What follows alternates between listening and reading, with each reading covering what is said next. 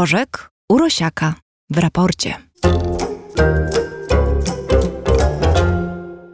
Ozelm Tureci i Ugur Sahim, małżeństwo tureckich imigrantów mieszkających w Niemczech w mieście Mainz, wynalazcy szczepionki na COVID-19, zostali uznani ludźmi roku przez dziennik Financial Times.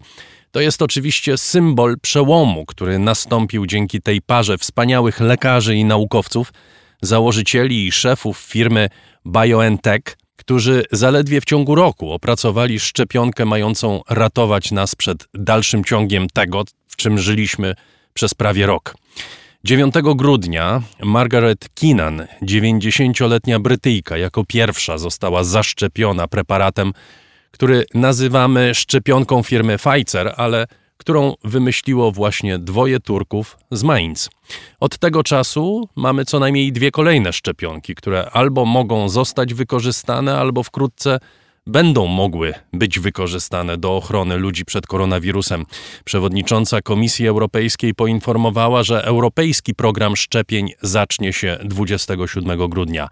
Mamy w tej chwili 74 miliony przypadków COVID-19, milion 600 tysięcy ludzi na całym świecie zmarło w wyniku choroby. Jest z nami dr Tomasz Rożek, nasz stały współpracownik, a także gospodarz kanału YouTube'owego Nauka to Lubię. Witam cię Tomku. Dzień dobry, witaj. Chyba wreszcie mamy dobrą wiadomość. Powinniśmy podziękować turecko-niemieckim naukowcom i po prostu wchłonąć tą wiedzę, którą nam przekazują i tą informację, która przychodzi do nas wraz ze szczepionką, prawda? Na koniec roku dobra, poważna, istotna rzecz, która zmienia y, sytuację związaną z pandemią. Rozmawialiśmy o szczepionce u ciebie w raporcie przynajmniej trzykrotnie i mam czyste sumienie, że, że mm, zawsze staram się w takich sytuacjach być bardzo powściągliwy. Oczywiście bardzo wszyscy chcemy, żeby się to wszystko skończyło, natomiast obraz, który, e, jak rozumiem, skrótowo wyrysowałeś e, w tym pytaniu czy we wstępie do naszej rozmowy, on jest bardziej skomplikowany. Ja absolutnie nie chcę odbierać e, laurów i tego i zaszczytów parze naukowców z Niemiec. Natomiast musimy mieć świadomość, że e, tempo, w jakim szczepionki, nie tylko ta, powstają, e, wzbudza ogromne emocje i ogromną niechęć wielu ludzi. W skrócie, brak zaufania do tego, że to są preparaty dobrze przebadane. To Tomku, może na początek powiedz, czy to są preparaty dobrze przygotowane i dobrze przebadane mamy sytuację, w której najważniejsze instytucje na świecie, takie jak Unia Europejska, specjaliści epidemiolodzy ze wszystkich praktycznie krajów zachodnich mówią: rozpoczynamy program szczepień, zachęcamy wszystkich do wzięcia udziału w tym programie. Czy to jest głos, który mówi nam, prace zostały zakończone, ta szczepionka jest przebadana, ta szczepionka jest bezpieczna? Prace nie zostały zakończone, prace cały czas trwają. To jest jeden z powodów, dla których mm, to tempo, czy powiedzmy ten czas rejestracji preparatów różnych jest tak e, krótki. O tym za chwilkę mogę opowiedzieć e, więcej. E, czy szczepionka jest bezpieczna? I tutaj wchodzimy na pole minowe, dlatego że my bardzo często, czy zwolennicy szczepionek, bardzo często mówiąc o nich, czasami traktują albo często traktują je jak, nie wiem, witaminy, jak cukierki, jak coś, co nie ma absolutnie żadnych skutków ubocznych. Oczywiście szczepionki mają skutki uboczne. Dlatego warto pamiętać o tym, e, zanim włączy się e, jakąś akcję, powiedzmy, promującą szczepionki i pokazującą szczepionki tylko i wyłącznie z tej jak najbardziej pozytywnej i mm, przemil z przemilczaniem, z przemilczeniem tej strony potencjalnie niebezpiecznej. Szczepionki mają skutki uboczne, bo są lekarstwem. Natomiast niebezpieczeństwa, ryzyka związane ze szczepieniem są o rzędy wielkości mniejsze niż ryzyka związane z nieszczepieniem.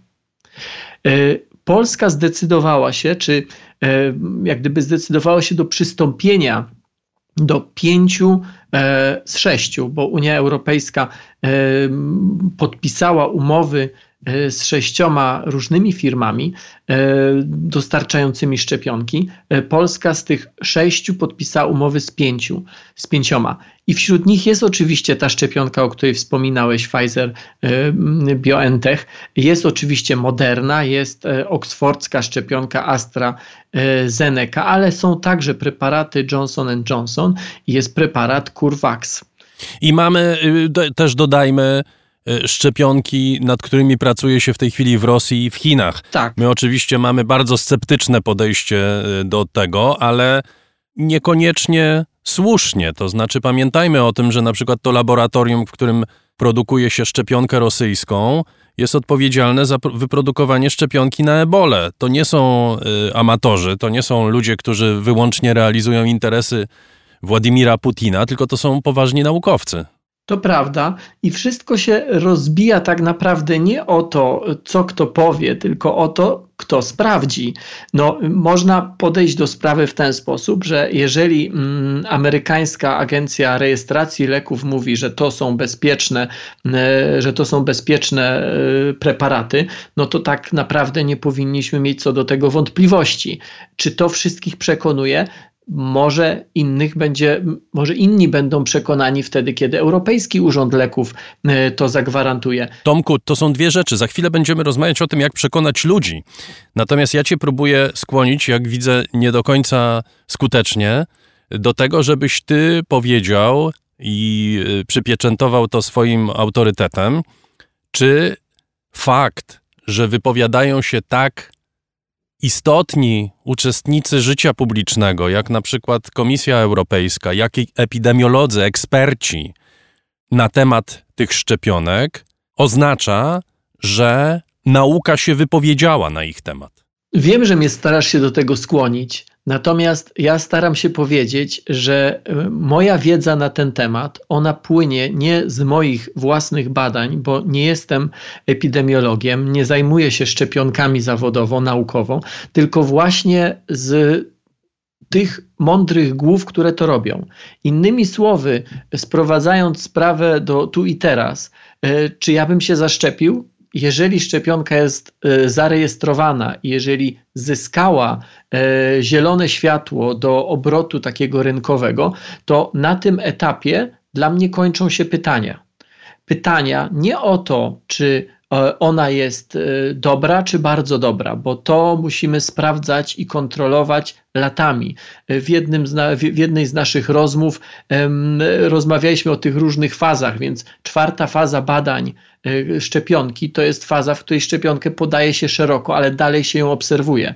E, więc pod tym względem się tutaj nic nie zmienia. Natomiast kończą się pytania, e, czy, czy, czy to takie oświadczenie, zarejestrowanie szczepionek dla mnie oznacza, że one są wystarczająco bezpieczne, żeby je podać. Nie zmienia to jednak faktu, że szczepionka to jest lekarstwo. Więc musimy szykować się na to, że w bardzo niewielkim zakresie, dla bardzo niewielkiej grupy ludzi, ale jednak mogą wystąpić odczyny poszczepienne.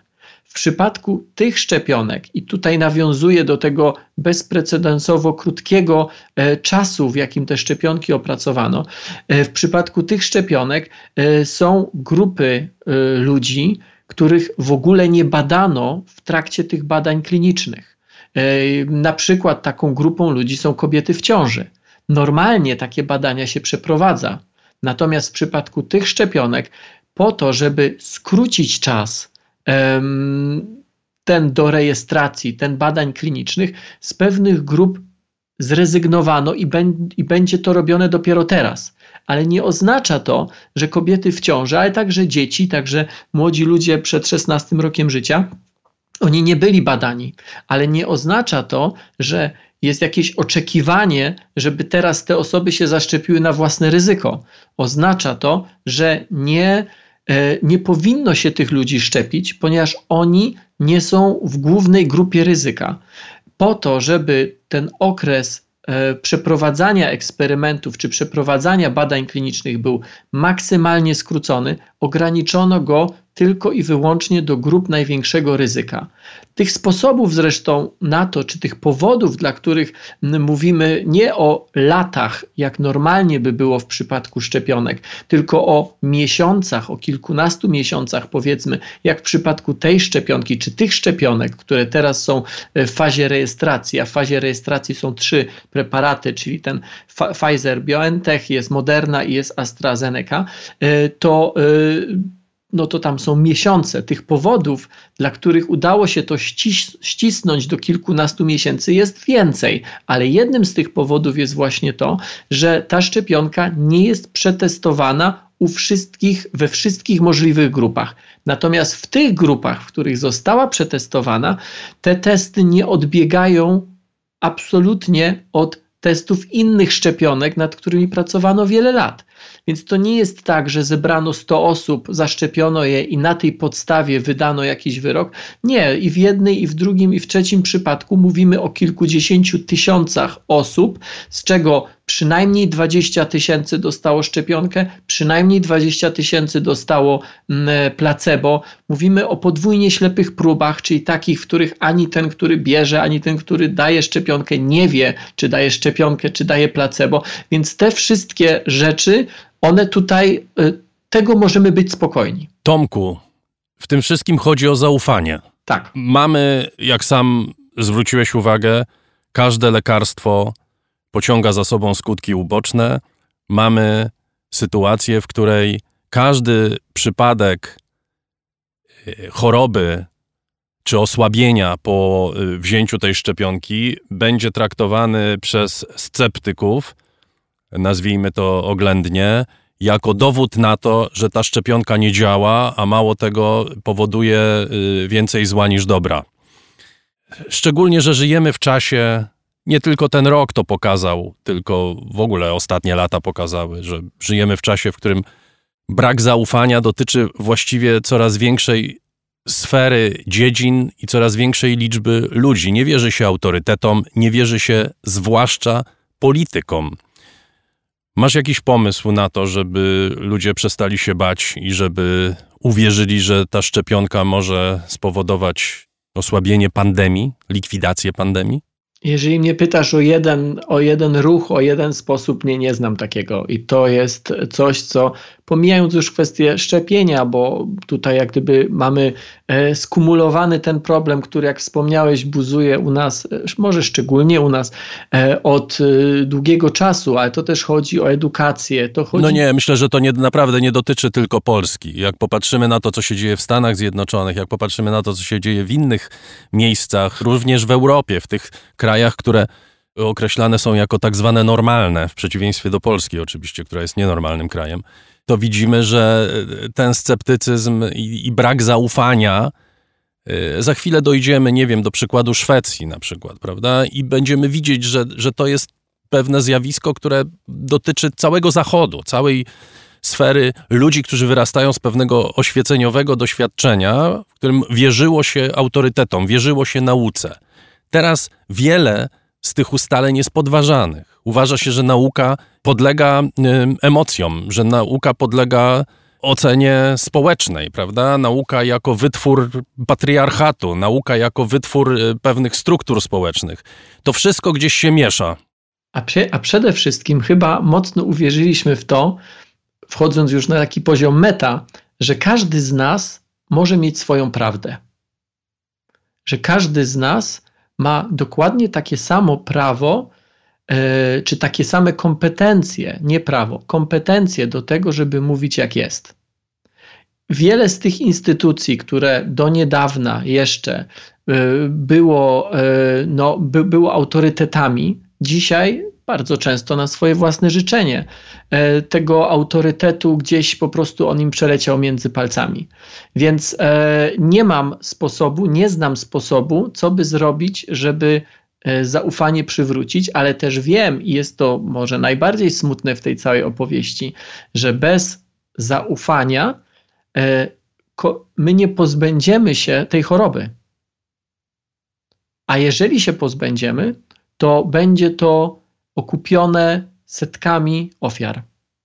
Jeżeli nie uwierzymy instytucjom, które są do tego stworzone i które mówią, szczepionka jest bezpieczna. Na, na razie w Polsce możemy powiedzieć, że to jest czysto akademicki, e, akademickie rozważanie, bo na razie nie ma ani jednej szczepionki, która jest zarejestrowana w Unii Europejskiej.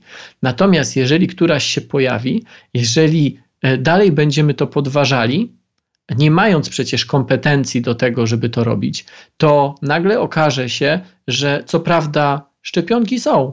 Wielu marzyło o tym jeszcze w marcu, w kwietniu, żeby one jak najszybciej były, ale się nie szczepimy. Od samego faktu, że one są gdzieś w szpitalu, w aptece, e, wirus nie ucieknie.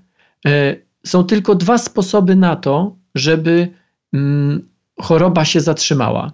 Jeden to jest taki, że wszyscy przechorujemy, albo przynajmniej 70% przechoruje, bo ta może nie tyle przechoruje, ma przeciwciała. O, ta wartość 70% tutaj ze statystyk, czy powiedzmy z modeli matematycznych wynika, że przy 70% rozprzestrzenianie się wirusa mocno słabnie, albo przynajmniej 70% będzie miało przeciwciała, ale nie w wyniku przechorowania, tylko w wyniku zaszczepienia się którą konkretnie szczepionką, to już jest sprawa bardziej bym powiedział techniczna. One się od siebie różnią, bardzo się od siebie różnią. Nie tylko jeżeli chodzi o całą powiedzmy logistykę, o której też kiedyś rozmawialiśmy, a nie tylko o cenę, ale także o mechanizm, w jaki um, pozwalają nam tych przeciwciał nabyć.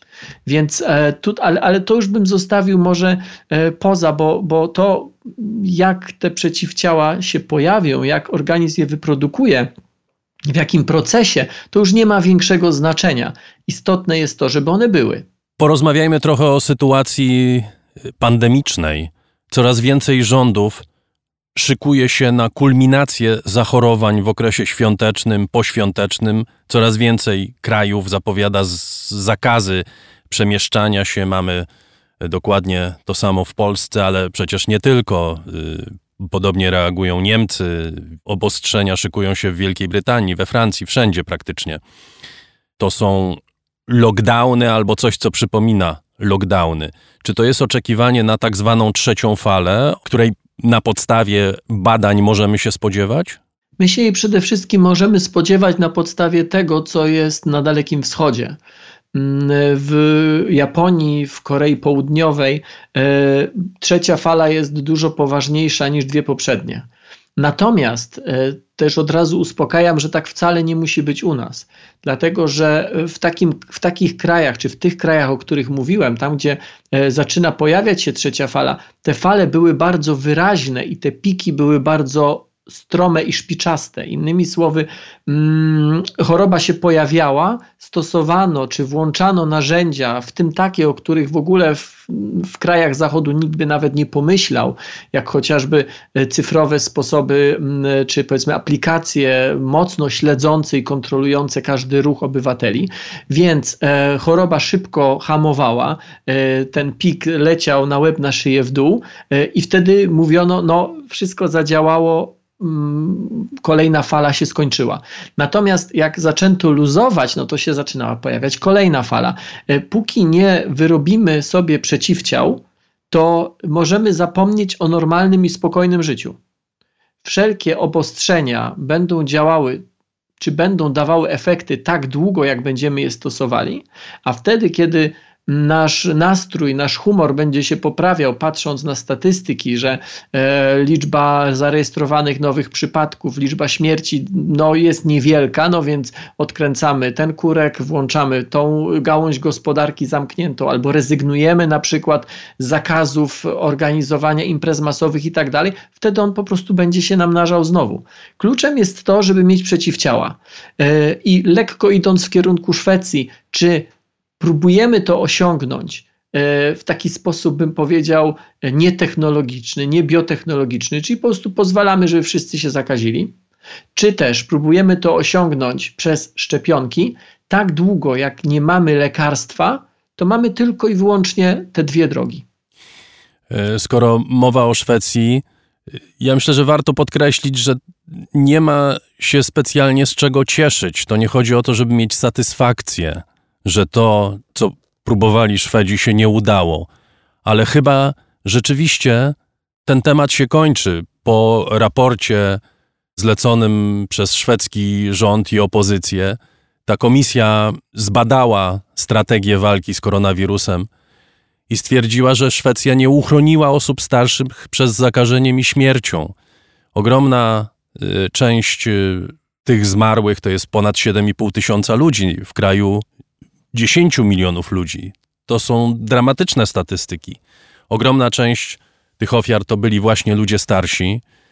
To przywołuje jakieś takie naprawdę niedobre skojarzenia, ale tak jak mówię, nie chodzi o to, żebyśmy teraz odczuwali satysfakcję, a mówiliśmy, że ci Szwedzi to kombinują i bez sensu wymyślają jakieś rzeczy, trzeba wszystkich było zamknąć w domach.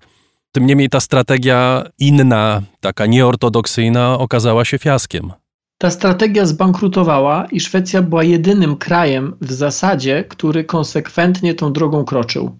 Była często podawana jako przykład kraju, w którym, e, w którym to super działa, bo gospodarka nie jest zamknięta, w związku z tym straty gospodarcze no, będą minimalne, e, a równocześnie do któregoś momentu statystyki pokazywały, że to rzeczywiście działa. Problem polegał na tym, e, albo inaczej jeszcze powiem, e, kilka krajów dokładnie w ten sam sposób zaczynało. Jednym z takich krajów była Wielka Brytania, ale dosyć szybko zmieniła zdanie. Złośliwi mówią, że wtedy, kiedy zachorował premier Johnson, niezłośliwi mówią, że chwilę wcześniej rzeczywiście z tego zrezygnowano. Szwedzi szli tą drogą. E, rzeczywiście to się źle kojarzy, bo akurat gdzie jak gdzie, ale w krajach skandynawskich. Pewne ruchy, które jeszcze w latach 60. przecież, czy 70., 70. nie, ale 60., mam na myśli ruchy eugeniczne, e, które no, tam normalnie funkcjonowały. Nam się może to dzisiaj w głowie nie mieścić, że to była zupełnie normalna praktyka, żeby osoby na przykład chore albo osoby niezrównoważone pozbawiać e, możliwości e, posiadania potomstwa albo, albo, albo w zasadzie wykluczać poza poza, społeczeństwo, e, to się z tym kojarzy, dlatego że tam rzeczywiście nie zadbano o osoby starsze. I przez długie tygodnie, mimo tego, że tam też była grupa i lekarzy, i ekspertów, która biła na alarm, nikt ich nie słuchał. E, ilość ofiar, liczba ofiar w domach starców, w domach spokojnej starości e, jest przerażająca i rośnie.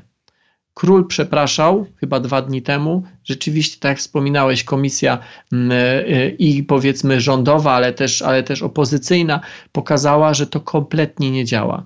E, główny epidemiolog kraju, jak gdyby, e, no nie chcę użyć słowa tutaj, nie wiem, ideolog tego, tego, tej, tej strategii, no ale rzeczywiście osoba, która swoją twarzą, swoją, swoimi ekspertami broniła tej strategii, w zasadzie no, przyznał się do tego, że że to po prostu nie działa, że był w błędzie.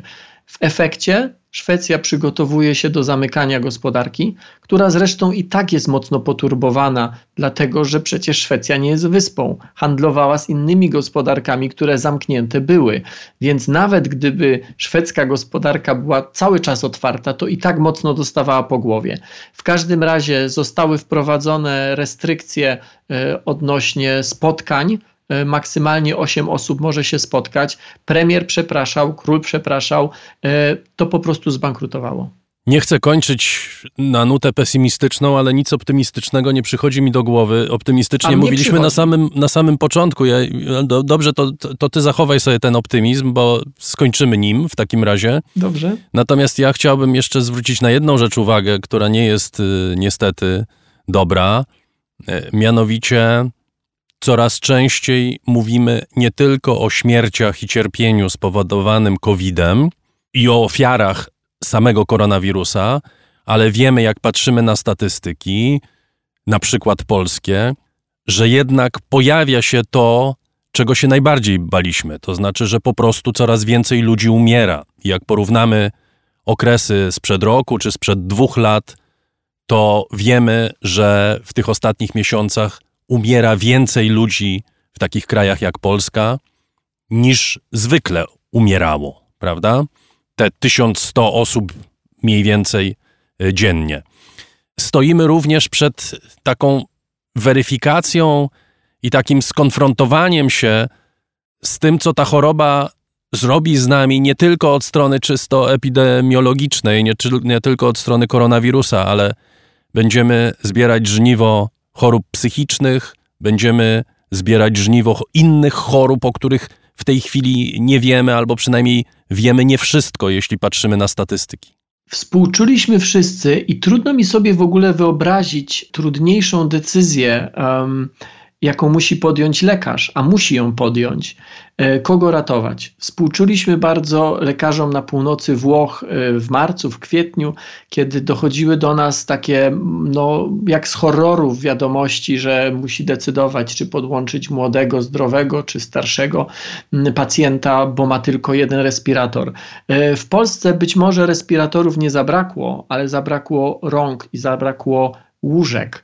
Nie łóżek, które stoją puste, nie łóżek, które no, w zasadzie każdy mógłby swoje łóżko przynieść do szpitala w skrajnym przypadku, tylko że samo łóżko nie wyleczy zabrakło rąk lekarzy, zabrakło miejsc z pełną obsługą, a nie miejsc, które stoją w szpitalu polowym i przy których i na których można się położyć i umrzeć.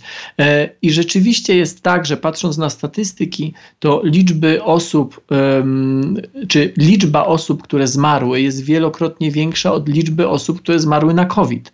Częściowo te covidowe śmierci są niedoszacowane, ale nie ma wątpliwości, że jest ogromny wzrost liczby osób, które zmarły z innego powodu. Tylko alternatywą by było to, że rzeczywiście leczymy tych, którzy mają zawał, tych, którzy mają e, nowotwór, tych, którzy mają e, powiedzmy wylew, ale wtedy zostawiamy tych, którzy nie potrafią złapać oddechu to jest, to jest właśnie alternatywa i to jest coś, czego najbardziej wszyscy się bali na wiosnę, żeby ta, ta, ta niemalże mityczna krzywa, żeby ją wypłaszczać, żeby przeciągnąć nawet e, całą pandemię na długie miesiące, ale żeby absolutnie nie przekroczyć tej bariery wydolności systemu. Myśmy ją przekroczyli nie na wiosnę, bo wtedy wszelkie restrykcje drastyczne pojawiły się bardzo wcześnie. Natomiast przekroczyliśmy ją teraz, wtedy, kiedy one pojawiły się niestety już za późno. Wszelkie dane matematyczne, czy powiedzmy modele matematyczne mówią jedno, że lockdowny działają tylko wtedy, kiedy są wprowadzone wcześnie. Natomiast jak są wprowadzone za późno, to ich wpływ już jest niewielki. Jest, ale jest dużo mniejszy. To jest sytuacja, w której tama pękła i tak naprawdę możemy się zająć ewakuacją ludzi, ale już jej nie poskładamy. No więc w Polsce i nie tylko w Polsce tama pękła i musimy się no, przyzwyczaić, to jest fatalne słowo, ale musimy pamiętać, że ludzi, którzy umierają teraz, będzie znacznie więcej niż tych, którzy umierają na sam COVID. Dobrze, Tomku, to powiedz coś optymistycznego na koniec. E, naprawdę cieszę się z tego, że jesteśmy blisko szczepionki. Nie komentuję, która jest lepsza, która gorsza. Nie komentuję, która zostanie najpierw, e, e, dostanie pozwolenie, certyfikat na, na powiedzmy, na, na, na obrót komercyjny, a która nie. Cieszę się, że one są, dlatego że patrząc na ostatnie miesiące, to jest jedyna rzecz, czy to jest pierwsza rzecz, która realnie może pomóc. E, gdybyśmy mieli lekarstwo, które po podaniu, nie wiem, na język, dożylnie, tabletki, jak, w jakikolwiek sposób, e, gdyby to lekarstwo rozwiązywało problem tego wirusa, też bym się bardzo cieszył, ale go nie mamy. Więc jedyną rzeczą, którą teraz mamy, są szczepionki. Bardzo bym chciał, żeby one zostały w sposób sprawny, sprawdzone, bo to jest klucz, muszą być skuteczne, ale przede wszystkim muszą być bezpieczne. I tak widzę rolę regulatorów, chociażby Europejskiej Agencji Kontroli Leków. E, I cieszę się, że one są. Bardzo dziękuję. Dr Tomasz Rożek, autor i gospodarz kanału YouTube'owego Nauka to Lubię, stały współpracownik raportu o stanie świata, był naszym gościem. Dziękuję Ci bardzo. Dziękuję bardzo.